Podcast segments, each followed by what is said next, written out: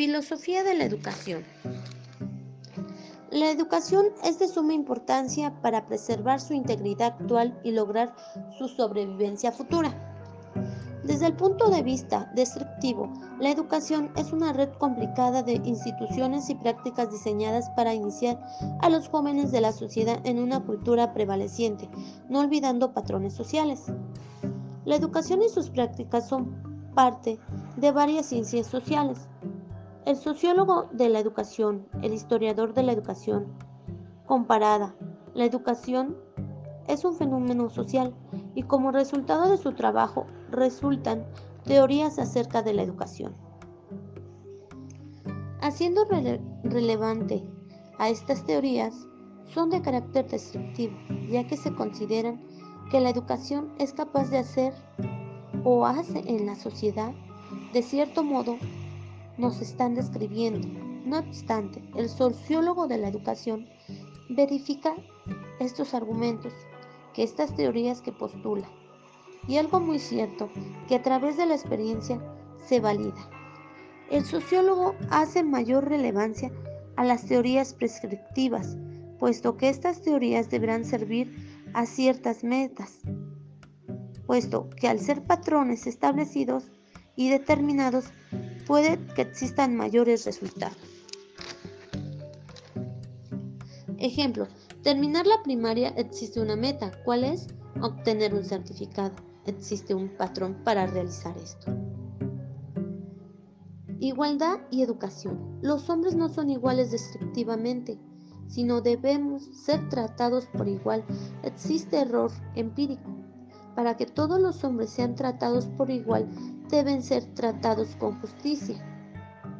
Igualdad de oportunidades a la educación. Capacidad y expectativas diferentes.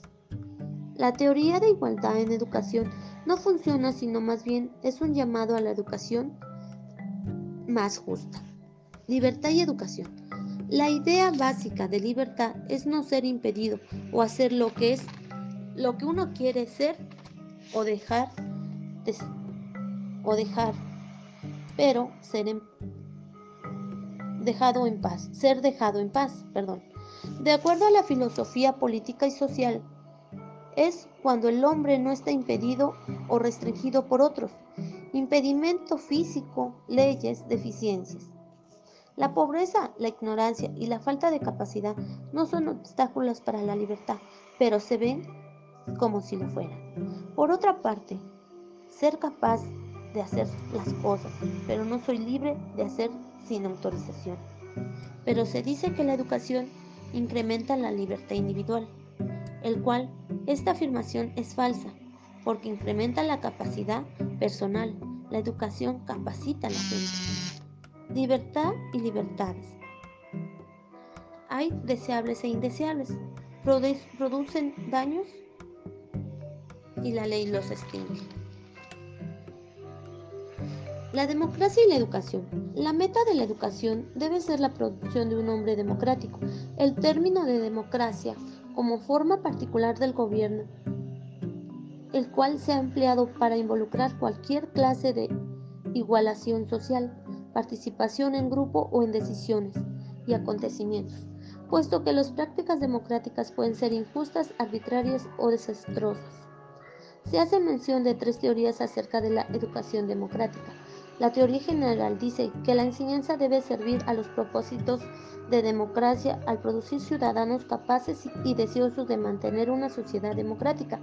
La democracia es de interés público.